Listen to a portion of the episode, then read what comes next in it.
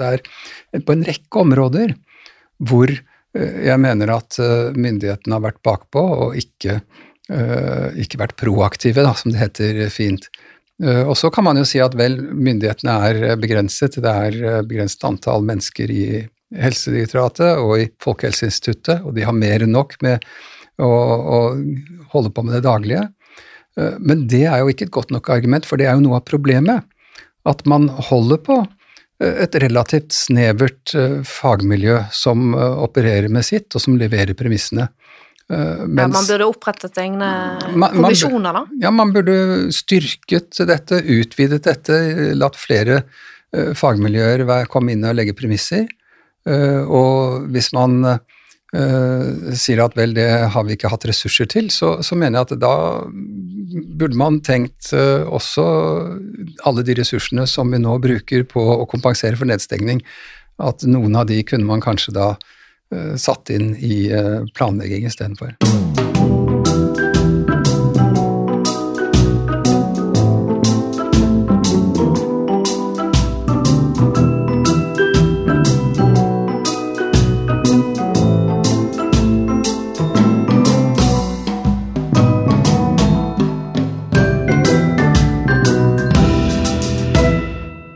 Velkommen til en ny episode av Rett og slett, en podkast om det som er rett og det som er slett i vår rettsstat. Jeg heter Katrine Holta, og jeg er strafferettsforsker på Politihøgskolen. Og denne podkasten er sponset av Karnov juridisk forlag. I dag skal vi ta opp et høyaktuelt tema – pandemi og rettsstat. Det er et tema som dessverre igjen har blitt aktuelt etter en smitteøkning i høst og ankomsten av omikron. Eh, norske helsemyndigheter har gjort en formidabel innsats for å få oss gjennom pandemien helskinnet. Samtidig så mener jeg at juristene har et særskilt samfunnsansvar for å diskutere lovlighet og forholdsmessighet, og for å stille kritiske spørsmål. Denne uken så har myndighetene igjen innført tiltak. Nå er det maks lov til å være 20 personer på en privat sammenkomst på offentlig sted, i leide eller lånte lokaler. Maksimalt 50 personer i begravelser, minnestunder og bisettelser. Maksimalt 20 personer innendørs på offentlig arrangement, 50 hvis det er tilviste plasser. Og maksimalt 100 personer utendørs. Med tilviste plasser kan man være 200 personer i tre kohorter. Man har også innført helt skjenkestopp i hele landet, og munnbind er påbudt på innendørs arrangementer. Jeg tror at eh, mange nå begynner å bli lei av koronatiltak og kjenner at det sliter på. Og de siste ukene så har stadig flere stilt spørsmål om nødvendighet, all den tid folk, folk flest er jo nå vaksinert flere ganger, og omikron er kanskje bare som en forkjølelse. Det vanskelige spørsmålet er likevel hva er alternativet? Alle disse tingene må vi snakke om, og Eh, Camilla Stoltenberg ved Folkehelseinstituttet har jo også ønsket debatten velkommen. Med meg i studio i dag til å diskutere disse problemstillingene har jeg jusprofessor Hans Petter Graver. Han mottok Akademikerprisen i 2020 for sin omfattende og tverrfaglige forskning og formidling, der etikk og rettssikkerhet har vært sentrale tema. I begrunnelsen så trekker man frem hans motstand mot fullmaktsloven som kom i starten av pandemien. Graver har vært en tydelig stemme for rettsstat og menneskerettigheter gjennom hele pandemien, og han har også skrevet boken Pandemi og unntakstilstand hva covid-19 sier om den norske rettsstaten. Velkommen til Rett og slett, Hans Petter. Tusen takk. Hva tenker du om eh, det som nå skjer?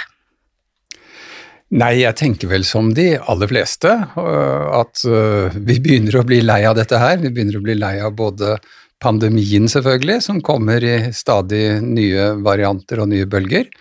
Øh, og vi blir også lei av de restriksjonene som myndighetene vedtar, og for så vidt er nødt til å vedta, for å møte konsekvensene av smitteøkningen. Ja, og jeg tenker at begrunnelsen jeg syns jo begrunnelsen nå er Det er forståelig nå at man ønsker å avvente litt for å se om omikron er farlig, og for å liksom finne ut mer om denne varianten. Men det er kanskje vanskeligere å akseptere argumentet om at det er driften i sykehusene som skal styre samfunnet. Hans Fredrik Martinussen sa jo på Twitter eh, har vi kommet dit nå at eh, det er eh, sykehusene som styrer samfunnet, og ikke samfunnet som styrer sykehusene. Dette er jo i hvert fall ting vi må diskutere. Hva tenker du? Jo, det er opplagt uh, ting vi må diskutere, og dette er jo uh, både medisinskfaglige, men kanskje først og fremst politiske spørsmål som krever en bred debatt, etter mitt syn, og som også krever en behandling i de rette politiske organene. Etter smittevernloven så er det jo for så vidt ikke noe tvil om at man kan bruke de fullmaktene som ligger der, til å vedta restriksjoner, både for å avdempe uh, de helsemessige konsekvensene av en farlig sykdom. Altså hvis en sykdom eh, vanligvis fører til alvorlig helseskade eller død, så er det ett grunnlag å gripe inn på. Men smittevernloven gir også grunnlag for å gripe inn hvis en smittsom sykdom som ikke er så farlig, truer kapasiteten i helsevesenet. Så man har på en måte skiftet spor fra den ene grunnlaget å gripe inn på, Eh, og til dette andre grunnlaget, etter at eh, sykdommen også har utviklet seg som følge av eh, at størstedelen av befolkningen er vaksinert og derfor beskyttet mot alvorlig, skade, alvorlig helseskade av å bli smittet. Mm. Um, hva, hva, er det, Kan du kort uh, forklare hva er vilkårene for, uh, etter loven for å kunne innføre disse tiltakene? Ja, Vilkårene er jo at det er eh, for det første at det er en allmennfarlig smittsom sykdom. Og det er det helsemyndighetene som definerer. Da vi har en forskrift med en lang rekke farlige sykdommer som er smittsomme, som er på den listen.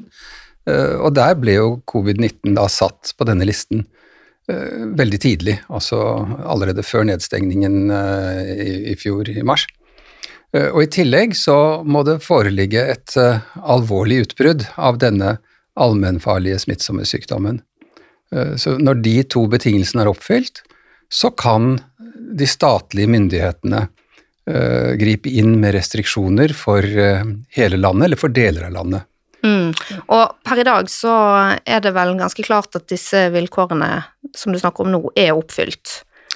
Ja, i dag er de det, men eh, det var jo en kort periode hvor eh, bare det ene vilkåret var oppfylt, altså hvor Helsedirektoratet sa at nå er det ikke lenger noe alvorlig utbrudd. Eh, og da var jo konsekvensen at staten ikke hadde myndighet til å regulere landet. Kommunene derimot, de kan regulere hvis det er eh, nødvendig for å beskytte mot konsekvensene av en allmennfarlig smittsom sykdom. fordi at mange av disse sykdommene kan jo være veldig lokale. Men en pandemi den er jo global, det ligger jo i sakens natur, ikke sant? så da, da blir jo disse tingene sammenfallende. Mm, ikke sant. Um, dette, altså, man snakker jo også om at det skal være formålsmessig, og at det må ligge innenfor formålet av loven. vil du utdype litt hva som ligger i det formålskravet? Hvordan kan man strekke det? Ja, for, for, Formålet er jo nettopp å, å avbøte, altså enten å, å, hindre at folk blir uh, smittet av en sykdom som vanligvis fører til alvorlig helseskade, eller for å hindre at en smittsom sykdom fører til at uh, kapasiteten i helsevesenet bryter sammen. Uh, men så er det jo i tillegg et generelt krav om at de tiltakene som man da vedtar, de må være forholdsmessige. Eh, og det at de må være forholdsmessige, det, eh, for eh, jurister og helsemyndigheter så ligger det da noe mer presist i det, nemlig for det første at de må være egnet som virkemiddel for å faktisk avbøte disse konsekvensene. Og så må de være nødvendige i den forstand at ikke det er mulig å avbøte disse konsekvensene på noen annen måte. Og i tillegg så, så må alt i alt fordelene med å gripe til disse tiltakene Eh, være større enn ulempene av dem. Så da må man altså inn og, og, og så si, forsøke å sette tall på hva er de uheldige konsekvensene, hvor store er de, og så må man forsøke å, å identifisere og tallfeste de negative konsekvensene av restriksjonene. Ikke sant. Altså Da er det på en måte både et generelt formål, som du var innom, og, da, og, og de er på en måte det, det, er ingen tvil om at det er oppfylt, men så må man da vurdere hvert enkelt tiltak, da, og spørre er dette, eller i hvilken grad dette faktisk er egnet til å motvirke de negative konsekvensene av pandemien. Ja, altså ideelt sett så, så må man det, men uh, her er det jo snakk om uh, tiltak som man ikke har så veldig mye uh, data på, hvordan de virker enkeltvis. Sånn at myndighetene har sagt, og, og, det tror jeg de langt på vei også har rett i, at man må se på pakken av tiltak, altså summen av tiltak. Mm. Fordi man vet lite om hvor mye hvert enkelt tiltak virker, altså hvor mye virker det å, å forby alkoholservering, hvor mye virker det å, å pålegge folk å bruke munnbind osv. Men det man vet, er at summen av tiltak som gjør at den sosiale kontakten mellom folk blir mindre, det virker til å begrense smitten. Ja, ikke sant. Uh, og det gir jo god mening, samtidig som jeg tenker f.eks. på um, denne skjenkestoppen som nå er innført. Jeg så det var en i Aftenposten som kommenterte på at uh, vi risikerer jo nå at folk blir uh, Altså, oppslutningen rundt tiltakene vil bli mindre, fordi at når man sitter med både ett, to og tre vaksinestikk på en restaurant og ikke kan ta seg et glass vin til maten, uh, og ikke helt forstår hvordan det er på en måte et smittevern Eh, tiltak, da, eh, så, så, er det også litt uheldig. Sånn at kan, kan man tenke det at altså vil den type eh, mangler i egnethet som virkemiddel, altså kan vi problematisere det, eller må vi ta hele pakken nødvendigvis? Altså har man en slags eh, mulighet til å peke ut enkelttiltak og si at ok, greit nok totalpakken, men likevel så må det til en viss grad gi en mening på at det reduserer kontakt mellom mennesker, eller hva tenker du? Ja, altså det enkelte tiltaket må uh, i og for seg være egnet. Altså det må, det må, man må kunne argumentere for eller vise at det har uh, noen som helst slags fornuftig virkning. Så, så, helt ufornuftige ting kan man ikke vedta. Uh, men hvis det først ligger innenfor rammen av alminnelig fornuft eller alminnelig rimelighet, så illustrerer jo dette veldig godt uh, samspillet mellom uh, fag og politikk. Fordi uh, faget tilsier at man må vedta en pakke av tiltak for å redusere sosial kontakt, men så blir det mye en politisk vurdering hvordan man skal sette sammen denne pakken. og skal man f.eks. være strengere i restriksjonene overfor skjenkesteder og, og restauranter og sånn, der hvor folk møtes sosialt, Eh, eller skal man være strengere overfor eh, arbeidsplasser eller overfor eh, helsestudioer? Hvilke av disse man velger, når, så lenge man ikke stenger ned alt totalt, så kommer de politiske vurderingene inn. Mm. Og, og, de er jo derfor, Vi har jo politiske myndigheter som vi har valgt, som skal nettopp foreta de, sånn at det er, i prinsippet er det ikke noe annet enn om man er uenig med den politikken som regjeringen fører på andre felt. Det er helt legitimt, men eh, det er jo da regjeringen og Stortinget som, eh, som vi har valgt å bestemme dette, da. Mm. Ja, så kan man jo for så vidt argumentere for at hvis restaurantene ikke får lov til å servere vin, så vil færre gå ut på restauranter og møtes, da. Men så er det jo selvfølgelig motargumentet, da, at da møtes man kanskje i hjemmet istedenfor, og det er jo ikke så strenge antallsbegrensninger i hjemmet nå som det har vært tidligere. Um, hva tenker du om de tiltakene som vi så tidligere, der, de, der det nettopp kom regler, delvis straffesanksjonerte regler om at man ikke skulle være mer enn fem stykker i hjemmet osv.? Ja, altså der kommer da det tredje elementet. Nå har vi jo snakket om eh, fag, ikke sant, det medisinske, epidemiologiske, eh, om eh, hva som er regnet og hva som må til. Og så har vi snakket om det politiske når det gjelder sammensetningen av dette. Og så kommer jussen og grunnleggende rettigheter inn som et tredje element. Eh, fordi det er enkelte typer av restriksjoner, eller enkelte restriksjoner har virkninger som er mer problematiske fra en juridisk synsvinkel enn andre. Eh, og mens det f.eks. er en menneskerettighet eh, å få respektert sitt familieliv og sitt hjem, så er det ingen menneskerettighet å få drive restaurant eller å få gå på restaurant. Eh, så Derfor så er det fra et eh, juridisk eh, synsvinkel mer problematisk å legge restriksjoner på hvor mange som kan møtes privat, enn det er å legge restriksjoner på, på utelivet. Mm. Og, og, det må da både de medisinske vurderingene og de politiske vurderingene må holde seg innenfor disse juridiske rammene. Men så er det jo heller ikke slik at de juridiske rammene er absolutte. Fordi denne, siden vi snakker om beskyttelsen av, av hjemmet, da, som er beskyttet både til Grunnloven og, og menneskerettighetene, så er ikke den absolutt. Man kan gripe inn også i den rettigheten hvis, man, hvis man, griper inn for å forfølge et uh, viktig hensyn, og retten til liv og helse er jo et viktig hensyn, uh, og uh, hvis man ikke griper inn lenger enn nødvendig. Så der møter vi igjen da, denne forholdsmessighetsvurderingen. Mm. Men da har det jo en betydning at da man tidligere grep inn med sterke antallsbegrensninger, da var det formålet man forfulgte, var jo å beskytte folk mot uh, en sykdom som vanligvis kunne føre til alvorlig helseskade eller død. Uh, mens nå er jo formålet, som vi var inne på et annet, nemlig å beskytte kapasiteten i helsevesenet. Og da er det nok slik at man ikke kan gripe like sterkt inn i en rettighet som man kunne tidligere, da. Ja, ikke sant. Eh, nå eh, på TV 2 eh, i går, på nettsiden deres, så ble en sak som har vært i Oslo tingrett denne uken omtalt. I denne saken så var det fire eller fem stykker som hadde vært eh, det var vel fem da, som hadde vært sammen i en privat leilighet i Oslo under pandemien. Eh, og eh, dette var på et tidspunkt i vår, når det bare var Eller i Ja, jeg tror det var i vår, når det bare var lov å ha to gjester i private hjem. Og da var det en mann som hadde nektet forelegg på 10 000 kroner for å være i en leilighet sammen med flere andre personer, da. Og eh, det, det, er jo nesten litt eh, absurd å lese fra eh, referatene i media fra, fra, saken sånn som det var i retten, da. Altså disse, denne mannen fikk da altså en bot på 10 000 som han da nektet å vedta. Og når man nekter å vedta et forelegg, så blir saken tatt inn altså Da krever det å få saken tatt inn for domstolen for å få prøvd dette forelegget. Um, og i tillegg så var det de som bodde i leiligheten, ble da regnet som arrangører av dette treffet i sitt private hjem, og de fikk hver et forelegg på 20 000, som de da eh, vedtok, da ifølge TV 2. Og jeg kan jo bare lese opp litt referatet fra retten, altså, fordi det er jo bare så utrolig at sånne saker nå går i domstoler, da. Men altså, her er det en dommer som sier da Det var altså to personer der, og du visste at du og en venninne av deg skulle komme. Ja, ja. Hvorfor eh, ba hun deg på middag, spør da dommeren.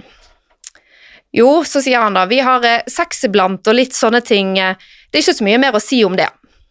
Og så sier dommeren, er det riktig oppfattet at dette var et swingerstreff? Uh, ja, det er ikke gitt at det skal bli sånn, det må man kjenne litt på der og da, sier da tiltalte, ikke sant? Og da lurer dommeren på, pleier det å være middag også?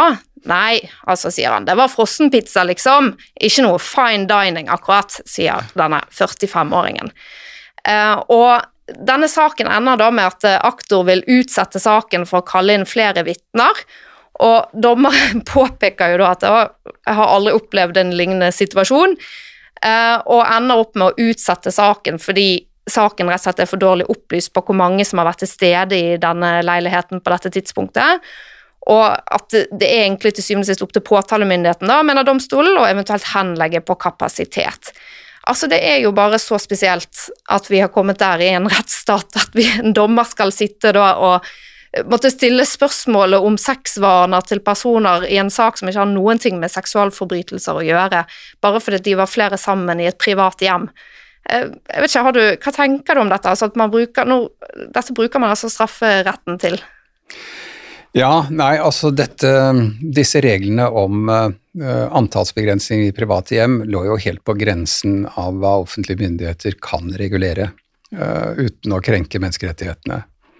Uh, nå har jo både vår, våre domstoler og domstolene i andre land sagt at myndighetene kan gå ganske langt inn også i rettighetssfæren Eh, når man står overfor en eh, slik trussel som pandemien er. Men eh, jeg tror nok at her befinner man seg helt på, på grensen. Og da bør jo myndighetene være forsiktige med å håndheve det med, med strafferettsapparatet. I tillegg så syns jeg, når vi snakker om bruk av straff for overtredelse av disse koronarestriksjonene, og, og særlig de som går på antallsbegrensninger og private sammenkomster, så har jo reglene blitt så innfløkte. Altså, har, for det første så har vi to nivåer av regler. Vi har de statlige, og så har vi de kommunale, som ikke alltid stemmer overens. Og i tillegg så har vi to typer av regler. Vi har covid-19-forskriften, som har straffesanksjonerte plikter. Og så har vi anbefalinger som gis både av helsemyndighetene og av regjeringen.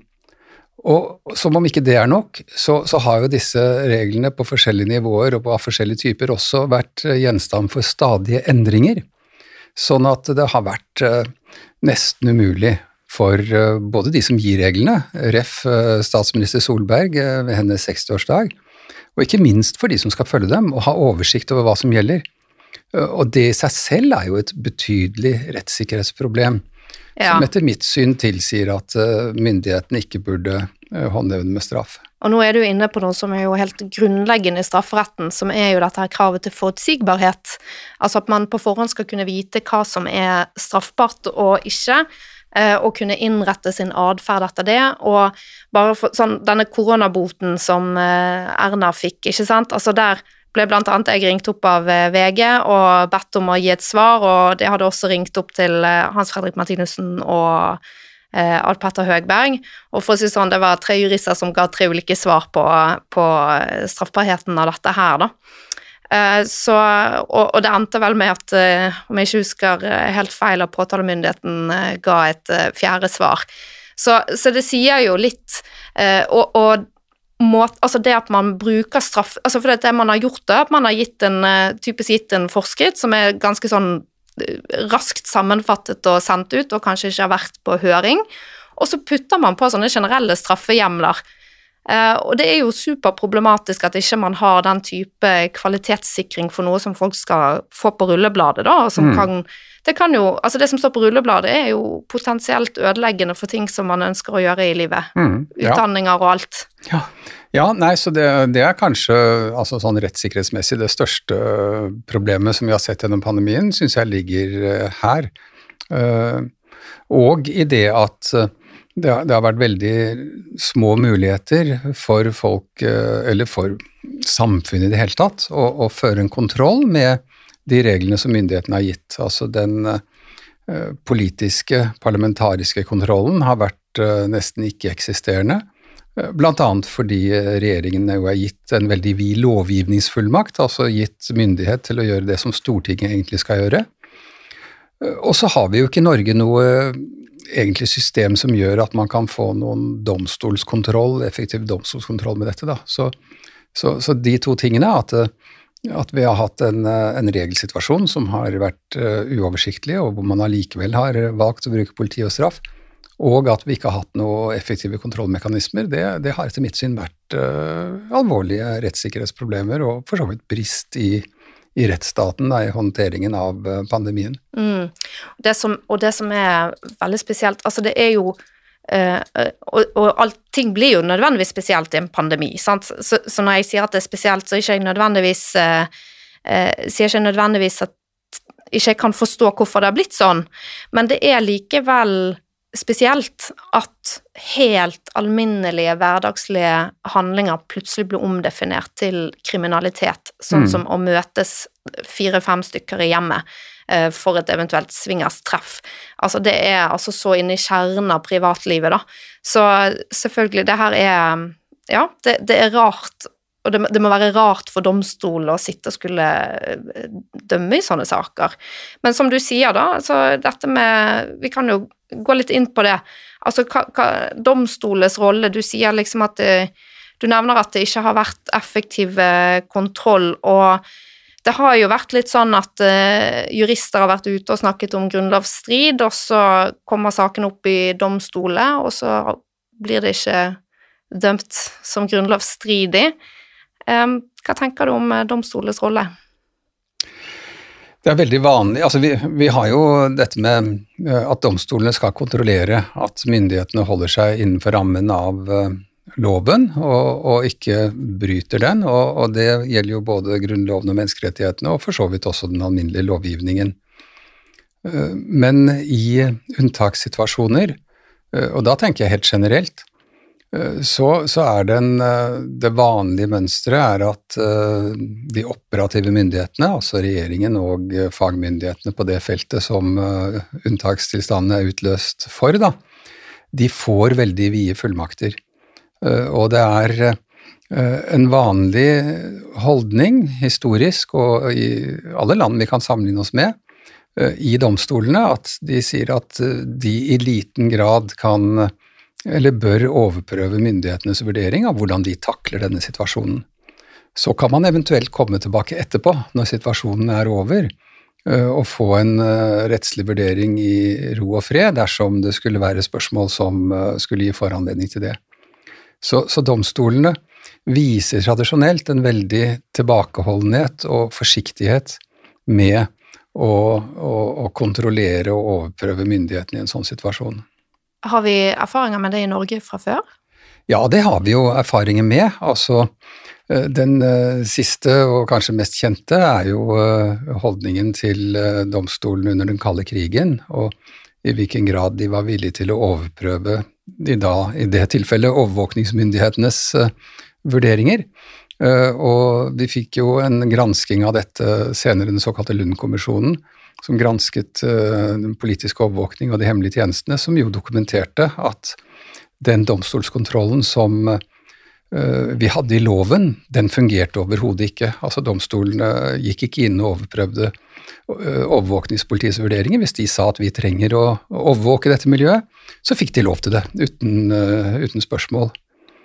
Og vi hadde også det samme i i, i uh, behandlingen av uh, unntaksfullmaktene etter krigen, altså hvor jo regjeringen Først så hadde vi denne såkalte London, nei, Elverumsfullmakten, som, hvor Stortinget jo ga mye lovgivningsmyndighet til regjeringen 10. april. Og så hadde vi den lovgivningsmyndigheten som eksilregjeringen i London da ga i medhold av dette. Og etter krigen så kom jo dette til prøving eh, i forbindelse med rettsoppgjøret, og hvor domstolene for så vidt hadde samme holdning, at det er ikke opp til oss å overprøve hvordan myndighetene har brukt disse unntaksfullmaktene i den typen ekstraordinære situasjon som dette var. Nettopp. Og, og, da er vel kanskje domstoler tenker som så at nå overlater man til politikken, og vi skal ikke bli politiske, sant. Og så er det vel kanskje noe med at eh, Altså, ønsker vi oss amerikanske domstoler? Jeg syns ikke dette helt går på, er parallelt eh, på forholdet mellom juss og politikk, fordi det er egentlig ikke det politiske som er eh, grunnen til at domstolen er tilbakeholdne her, men det er vel mer at de sier at i en, eh, i en nødsituasjon, i en unntatssituasjon, så er det viktig at myndighetene kan handle raskt og, og operativt mot den faren som truer. Eh, og at myndighetene har mer fagekspertise enn det domstolene har, og, og, de må kunne eh, få lov til å opptre mer eller mindre uforstyrret for å kunne uh, ordne opp med den trusselen som samfunnet står overfor. Da. Jeg tror det er mer den type holdning her egentlig enn forholdet mellom juss og politikk. Ja, nettopp. Sånn at de står litt tilbake fra å overprøve fordi at de tenker at det er en, en at ikke de har forutsetningene for å gjøre den type krisevurderinger, er det det? Ja, det er nok det, og, og, at myndighetene trenger handlingsrom. Altså, dette er ikke bare noe som skjer i Norge, det er også de amerikanske domstolene opererer på samme måte. Altså, det tok jo uh, mange år før de begynte å legge seg bort i de amerikanske myndighetenes uh, operasjoner under krigen mot terror og Guantánamo osv., nettopp ut fra samme type holdning. Det hadde ikke noe med med, med, Supreme Courts politiske rolle å gjøre, men det hadde med uh, domstolenes tilbakeholdenhet når myndighetene agerer i en krisesituasjon. Mm. Det jo, blir jo spennende å se. altså Flere av disse sakene, noen saker har jo kommet opp allerede, og flere saker står vel i kø, tenker jeg, særlig på straffesaker der folk har lyst til å få overprøvd foreleggene sine. Um, denne hytteforbudssaken er kanskje den mest kjente, og du har jo vært litt uh, engasjert i den saken. Um, har ikke du nå blitt partshjelp også for Høyesterett, er det sånn? Hvis du tenker på denne saken om de som har, uh, har sånn sekundærboliger uh, i, i, Sverige, så er det riktig, ikke partshjelp, men jeg skal prosedere den for Høyesterett, så, ah, så, jeg tror ikke jeg skal kommentere den her nå, fordi den skal jo opp for domstolene ja, om noen uker, da. Ja, Men dette hytteforbudet, da. Altså, i påsken, når denne pandemien inntraff, så ble det jo forbudt det ble vel kanskje til og med straffbart, ble ikke det det, å dra på hytten? Jo da, det ble jo det. Det, ble straffbart å overnatte på, uh, en, uh, i en annen kommune enn der man hadde sin uh, primærbolig.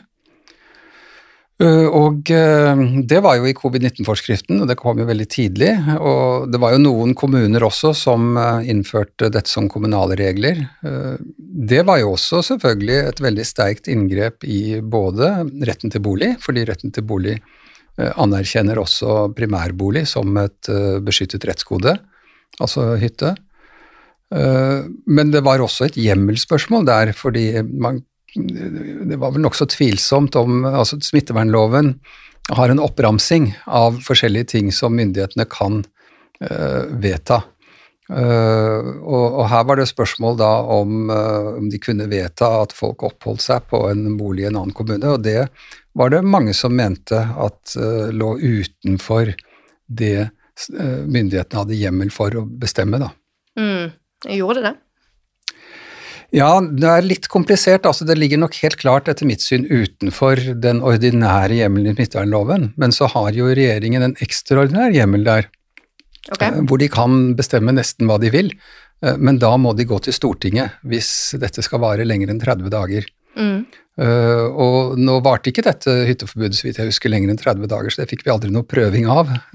Nei, nettopp. Uh, og, og, der var jo uh, sant, altså myndighetene var vel redd for at man skulle spre smitten utover i alle landets kommuner, at folk skulle bli syke når de var for langt unna sykehuset, at man skulle overbelaste det, de lokale myndighetene, da. så det er jo gode grunner, da, ikke det?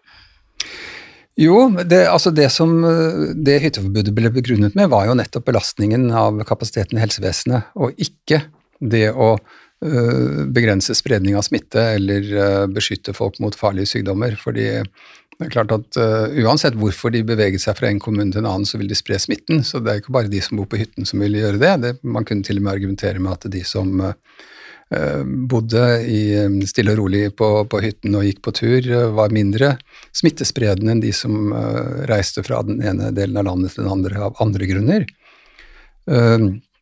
Men én ting er jo om formålet i og for seg er godt, og, og som jeg sa, så kan man vedta restriksjoner for å beskytte kapasiteten i helsevesenet.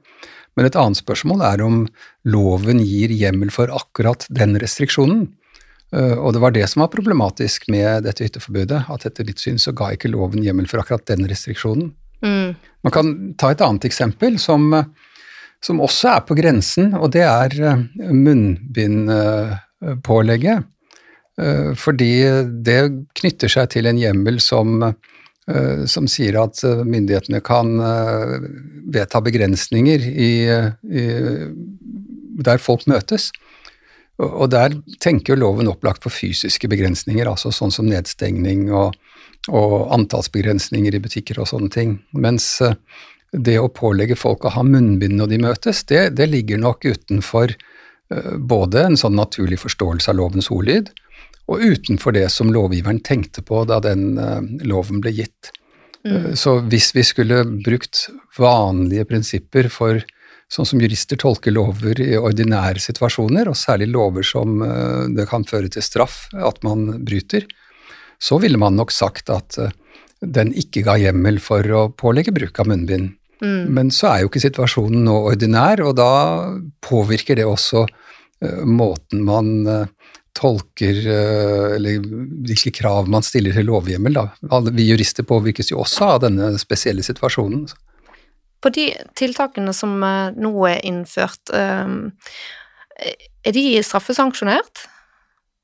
Ja, altså alle, alle plikter som vedtas i, eller som gis da i covid-19-forskriften, de er automatisk straffesanksjonert, for det står jo i eh, loven at brudd på uh, forskrifter gitt i medhold av loven, kan straffes med, med bøter eller fengsel. Mm. Og du har jo utgitt denne boken eh, 'Pandemi og unntakstilstand', og jeg bare har lyst til å lese et lite sitat som jeg syns er så fint, der du skriver Individuelle rettigheter er en type rettsregler som i våre dager har en spesiell status gjennom beskyttelse i grunnlover og internasjonale menneskerettighetskonvensjoner, slik at de ikke kan endres eller begrenses gjennom vanlige politiske vedtak. Skal de begrenses, må dette skje gjennom rettslige prosedyrer. Det innebærer at den politiske makten, og dermed demokratiet, er begrenset av retten. Og det er hele poenget. Vil du eh, fortelle litt om hva du mener med dette? Jo, nei, altså det er jo det vi har vært uh, inne på, at uh, vi har noen rettigheter i Grunnloven og menneskerettighetene som begrenser, eller som setter rammer for hva myndighetene kan bestemme i en sånn situasjon som dette. Det, det gjelder jo selvfølgelig alltid. Det, det, gjelder ikke bare i en pandemi, men det er det er noen rettigheter som nå særlig er aktuelle. Og da kan man jo nevne at vi, vi har en rett til uh, fri bevegelse. Uh, sånn at det er en grunnlovfestet rett for oss til å bevege oss inn og ut av landet og, bevege oss fritt innenfor landet. Vi har en rett til beskyttelse for vår familieliv. altså Det betyr at vi har rett til å, å møte, møte familiemedlemmer og, og uh, på tvers av eh, hvor man bor, og, og, og, uansett hvor det er. Man har rett til beskyttelse av uh, privatlivet. Uh, vi har en forsamlingsfrihet som gir oss en rett til å møtes, uh, osv. Og, og disse rettighetene uh, de har da myndighetene vedtatt å, å gi i en slik form, enten i Grunnloven eller ved å slutte seg til internasjonale konvensjoner, at de har på en måte bundet seg til masten og sagt at de skal vi ikke gripe inn i, annet enn der hvor rettighetene selv sier at vi kan gripe inn i dem. Det er som ytringsfriheten og andre rettigheter også. Mm. Uh, og, det betyr at uh, da må man følge domstolene, enten Den europeiske menneskerettighetsdomstol eller disse FN-organene som tolker FN-konvensjonene, og de norske domstolene når vi skal gripe inn i dette. Og nå er det ikke sånn at disse, alle disse rettighetene er absolutte. Det er veldig få av dem som er helt absolutte. Selv retten til liv er jo ikke helt absolutt. Eh, men konvensjonen og Grunnloven gir da anvisning på når og hvordan og hvor langt myndighetene kan gripe inn i dem. Men retten er jo ikke perfekt, ikke sant? Og la oss si at loven ikke gir oss de, og ikke gir myndighetene de hjemlene som de trenger for faktisk å kunne beskytte oss, da? Hva skal man da gjøre i en rettsstat? Nei, da må man endre loven, da. Det er jo det som uh, ligger i det. Så, og, og, det er klart at hvis det skulle være slik nå at uh, visse sånn fundamentale grunnlovsfestede rettigheter uh, var til hinder for det, så, så ville man jo være bundet. Uh, men eh, sånn er det jo ikke, fordi eh, disse rettighetene har innebygget en sånn fleksibilitet at hvis man følger de prosedyrene og, og tar hensyn til de kriteriene som retten gir anvisning på, så vil man stort sett kunne gjøre det. Men det, det er jo som eksempel på akkurat da samfunnet ble stengt ned i første omgang, så ble jo dette vedtatt av eh, Helsedirektoratet etter at, og det vet vi etterpå, for det har jo koronakommisjonen eh, undersøkt, etter at eh, Gullvåg og, og departementsrådene i Helsedepartementet og Høie og Erna Solberg hadde snakket sammen. Men så står det jo i Grunnloven at viktige saker de skal besluttes i regjeringen, og etterpå så er vel alle enige om at dette var en sak som regjeringen skulle ha besluttet. Og så sier Erna Solberg at ja, hun da hun kommenterte koronakommisjonen at eh, ja, hun eh, er klar over det og beklager det, men eh, her måtte vi handle, og resultatet ville ikke blitt noe annet. Og til det er det jo da å si at vel, de kunne, altså det hadde tatt dem en dag kanskje å, ta dette opp i regjeringen, så det hadde utsatt dem en dag, men de kunne ha begynt med det en dag før, ikke sant, også. Uh, ja, Så det ville ikke nødvendigvis uh, tatt så veldig mye lengre tid og fått gjort de beslutningene på riktig måte? Det ville ikke nødvendigvis tatt så veldig mye lengre tid, men de ville kanskje ført til noen forskjeller i beslutningene. Uh, fordi da ville statsrådene også fra de andre departementene og deres embetsverk ha spilt inn. Og da ville man kanskje ha fått Kanskje man ikke hadde stengt ned skolene, f.eks. For, eksempel, for kanskje utdanningsministeren da ville ha lagt frem en type argumentasjon som eh, ikke de tenkte på da de vedtok dette her. Eh, kanskje man ville fått en annen regulering av arbeidslivet. Det vet vi jo ikke, men det er, men det, er det, som er poenget. Det er derfor vi må ha, følge disse prosedyrene. Mm. Eh, for man får da et bredere beslutningsgrunnlag, og uh, man risikerer i mindre grad å krenke disse rettighetene. Da. Ja, og det er jo også derfor man har disse prosedyrene, tenker jeg. Altså, de, de er jo der for også å beskytte oss når på en måte følelseslivet tar litt overhånd. Altså, jeg er veldig glad for at ikke jeg var statsminister når pandemien inntraff. Eh, jeg ble jo eh, supernervøs for hva i all verden er dette her for noe? Uh, og hadde nok neppe vært i stand til å ta veldig rasjonelle beslutninger på vegne av et helt folk. Så uh, Og jeg må si jeg har veldig stor respekt for de som måtte stå i det og faktisk gjøre, ta de beslutningene, da. Men da forstår jeg det litt sånn at disse prosedyrene de, de er på en måte også der for å hjelpe oss i de situasjonene. De er jo det, og uh, det er jo nettopp for å sikre en, en kvalitet i beslutningsgrunnlaget. Eh, og for å sikre at eh, alle de hensyn som blir berørt, blir, eh, blir vurdert på en ordentlig måte. Ja, og i boken din så er du opptatt av dette begrepet unntakstilstand. Det er, altså, boken heter jo også Pandemi og unntakstilstand. Vil du si litt om hva du legger i det begrepet, og hvorfor det har blitt så sentralt i boken? Jo, fordi uh, unntakstilstand er jo en sånn ekstraordinær uh, situasjon hvor, uh, hvor, de statlige myndighetene sier at staten eller samfunnet er truet på en slik måte at de statlige myndighetene må ha fullmakter som går utover de vanlige, og, og må sette til side en del av de vanlige garantiene som vi har, både i dette at det er Stortinget og ikke regjeringen som gir lovene, altså at vi har en lovgivende myndighet, og regjeringen skal egentlig bare handle innenfor de rammene og utøve det, og at vi har en dømmende myndighet som kontrollerer dette.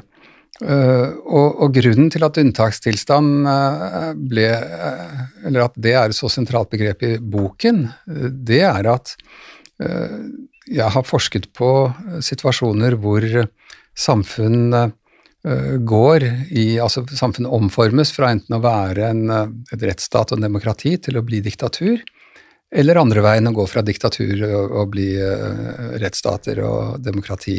Ja, det er vel Du, du har vel blant annet studert uh, oppmarsjen, holdt jeg på å si, til andre verdenskrig og ja, Tyskland særlig, ja, da? Ja.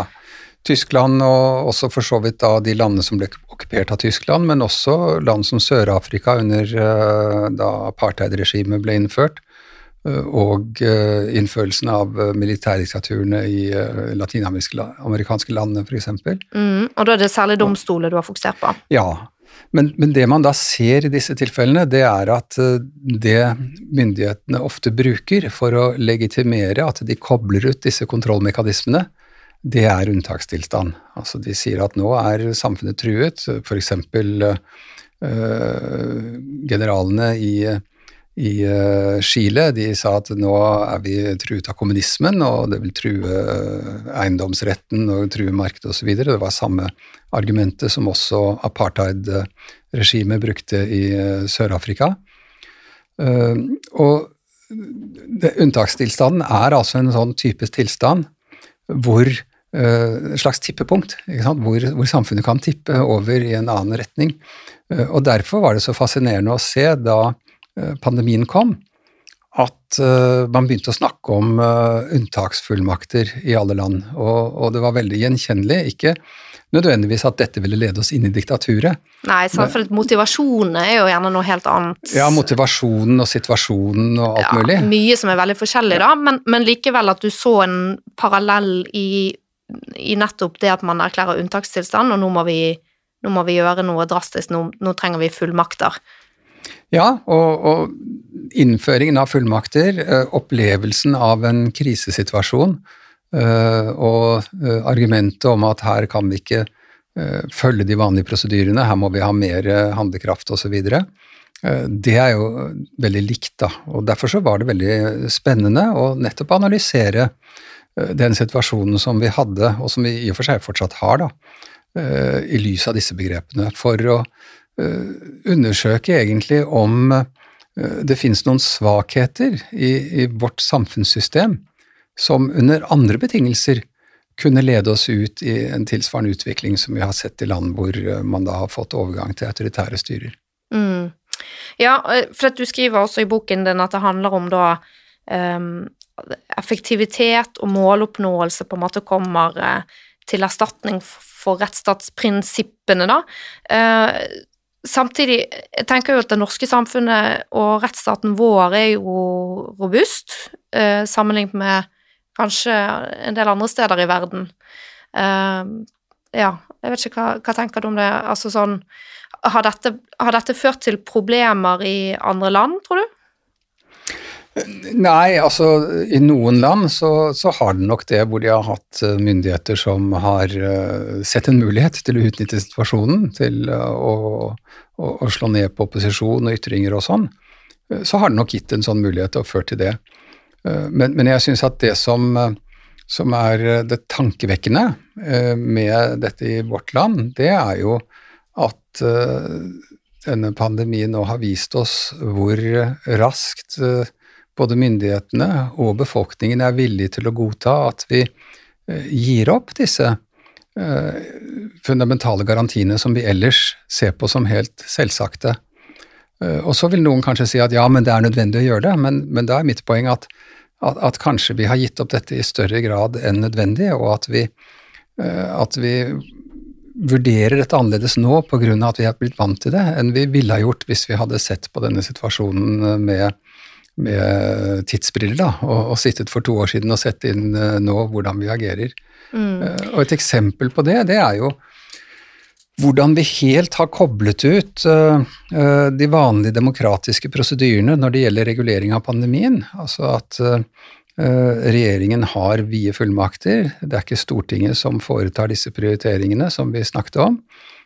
og disse reguleringene vedtas etter konsultasjoner eh, som ikke er offentlige, mellom fagmyndighetene og eh, regjeringen, og mellom staten og kommunen etter hvert, men, men, hvor alle andre, både presse og berørte, blir holdt utenfor prosessen. Mens vanligvis ville vi jo sagt at når staten eller når myndighetene skal gi denne typen regler, så må de sende dette ut på høring, det må være en offentlig prosess, og de må ta hensyn til til eh, innvendinger og kommentarer og forslag som kommer, og folk må få mulighet til å forutberegne sin stilling osv. Og, og så vil jo myndighetene da si at ja, men det kan vi ikke gjøre, fordi eh, vi må agere så raskt eh, fordi smitten utvikler seg veldig raskt. Men det argumentet holder etter mitt syn ikke, fordi det holdt kanskje i 12. mars, da vi startet. Da kom det veldig brått på. Men så hadde vi jo en periode i eh, fjor hvor vi lærte ganske mye, og ikke minst også gjennom pandemien i fjor vinter så lærte vi ganske mye. Sånn at det vi burde ha gjort, og kunne ha gjort, det var jo å tenke litt fremover, og, og tenkt eh, med scenarioer at eh, hva gjør vi hvis smitten utvikler seg slik, hva gjør vi hvis det kommer en mutasjon?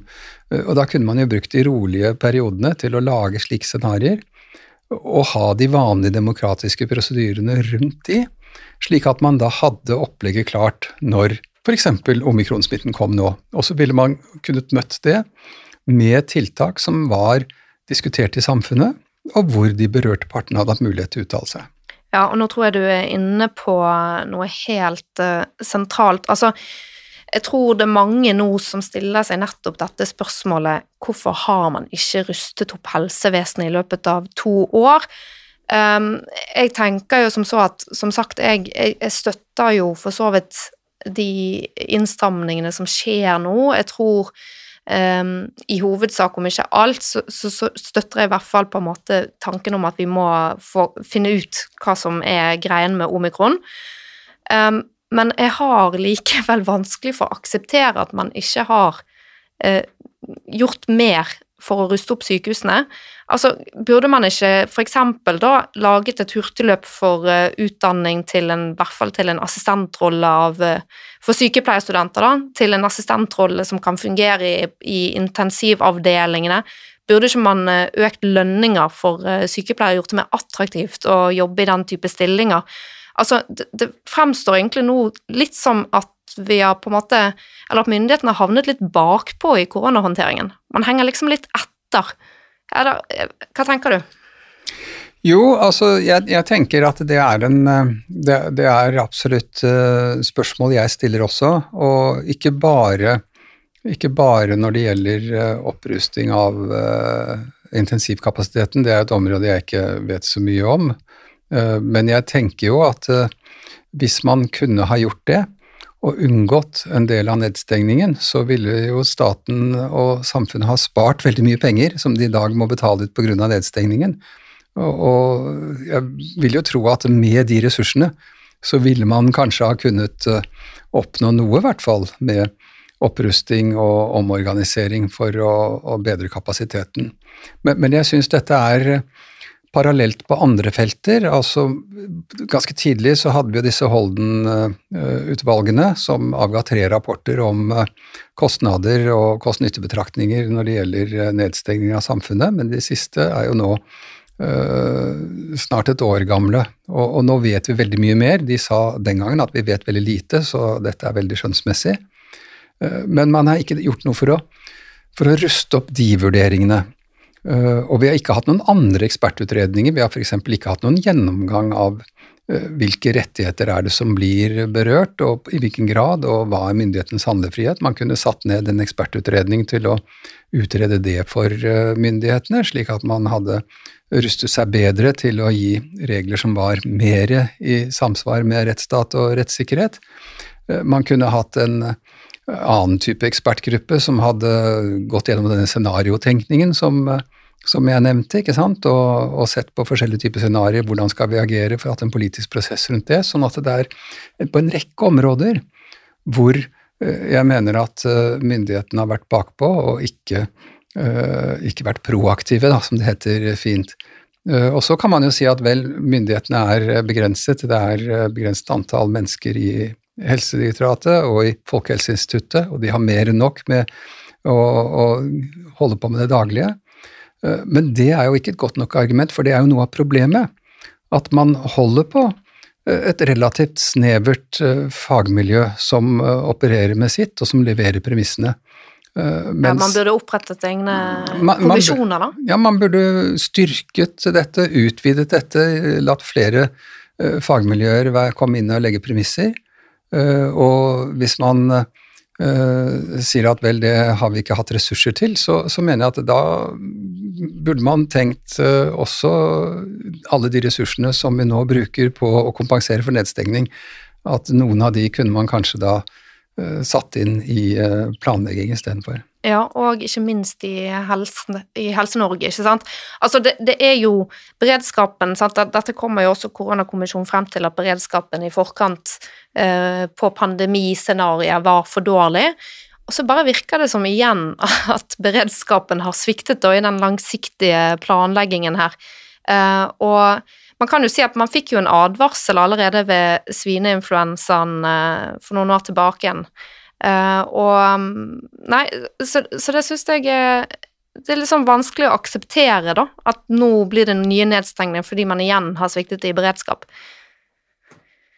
Ja, og, og, det er klart det er ganske menneskelig at man uh, ikke tenker på det verste før man uh, står oppi det.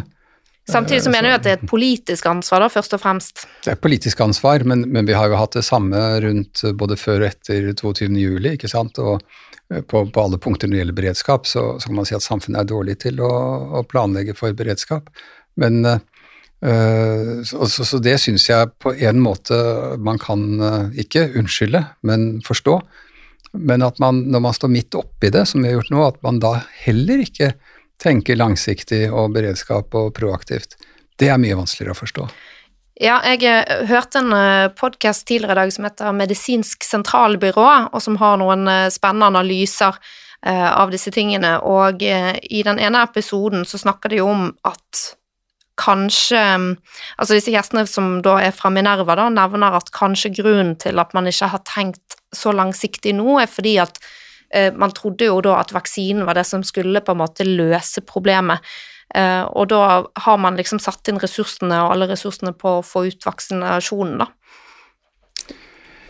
Ja, det er jo veldig rart, fordi altså, man har jo visst at uh, det var en stor mulighet for at vaksinen ikke ville uh, løse det problemet. Så, uh, så, så, det er jo rart at man har tenkt sånn. Og hvis man sammenligner det med hvordan man tenker worst case når det gjelder smitteutviklingen, så er det jo nærmest uforståelig, syns jeg.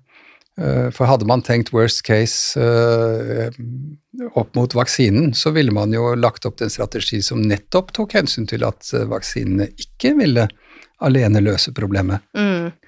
Jeg syns også det er liksom når, når Gullvåg står på, på, Debatten på NRK og innrømmer at vi vel egentlig ikke har fått noen flere intensivplasser siden pandemien startet, så er det er ikke så veldig lett å, å, å, liksom motivere seg for en ny runde med koronatiltak når man hører det, da. Eh, men jeg syns at eh, det, det, det, er også det her at, at ikke man har økt lønningene for sykepleiere. Det syns jeg òg er bare Altså, det, det, må jo være det første man skulle gjøre. Det er jo å gjøre det mer attraktivt, det yrket, når vi ser altså så, så viktige er de for samfunnet, og så skal de ikke tjene mer enn det de gjør. Um, jeg tror vi eh, skal uh, gå inn for landing her nå. Um, til slutt i dagens episode så um, lurer jeg på om du kan si noe om hva du har lært av å studere unntakstilstand tidligere i, eh, i, autoritære regimer. Altså, hva har du lært av det opp mot å analysere dagens situasjon? Altså, dette handler jo ikke om et autoritært regime i det hele tatt, men det handler jo om et samfunn som plutselig ble utsatt for noe veldig brått og uventet og ganske skummelt. Altså, det, det som jeg eh, har eh, utviklet gjennom mine studier av rettsstaten under press og for så vidt under angrep, det er betydningen av eh, institusjonene, hvordan de er forankret i samfunnet og i tradisjon og i kunnskaper, eh, og hvordan eh, Altså den standhaftighet som de har, eller ikke har, gjennom forskjellige situasjoner. Og da betyr det jo at det er veldig viktig også for å forstå et samfunn, og og forstå og kunne disse grunnleggende institusjonene veldig godt. Eh, og eh, de norske institusjonene, altså demokratiet og, og, de juridiske, altså de rettslige institusjonene, de er godt forankret i det norske samfunnet. Altså, Norge er jo det eneste landet i verden hvor vi sender barna ut for å hylle en juridisk institusjon, nemlig Grunnloven, hvert år. Så det er jo ikke tvil om det, at vi har en stor robusthet og immunitet, vil jeg si, mot, uh, mot en uh, autoritær uh, retning. Men allikevel så, så, mener jeg at disse siste par årene har vist noen typer av svakheter i disse institusjonene som vil kunne bli problematiske under, under gitte forutsetninger. Da. Eh, så det, det, mener jeg at jeg har lært at det er eh, nødvendig å være oppmerksom, og kanskje det som er den største svakheten i, i den norske institusjonen, det er jo hvor, hvor, lett myndighetene, og befolkningen, eh, i og for seg lar seg rive med da, av en sånn situasjon. At vi, vi, er, vi har høy tillit til myndighetene, men det betyr også at vi under gitte betingelser da går i flokk. Og når vi går i flokk og ikke tenker på Eh, de beskyttelsesmekanismene som samfunnet har bygget inn, eh, da er det fare for at vi eh, går i feil retning og går over stupet. Ja, ikke sant. Det er jo dette her når alle sammen drar i samme retning, helsemyndighetene, regjeringen, opposisjonen på Stortinget, og det kanskje også blir for få kritiske spørsmål i mediene og ikke et ytringsklima for faktisk å diskutere disse tiltakene Denne episoden har vært et uh, forsøk på å bidra til den debatten som jeg tror blir uh, veldig viktig i tiden fremover. Uh, vi har kommet til veis ende i dag, men dette var bare del én om pandemi og rettsstat, og neste uke så vil du få høre enda en episode om samme tema. Takk for i dag.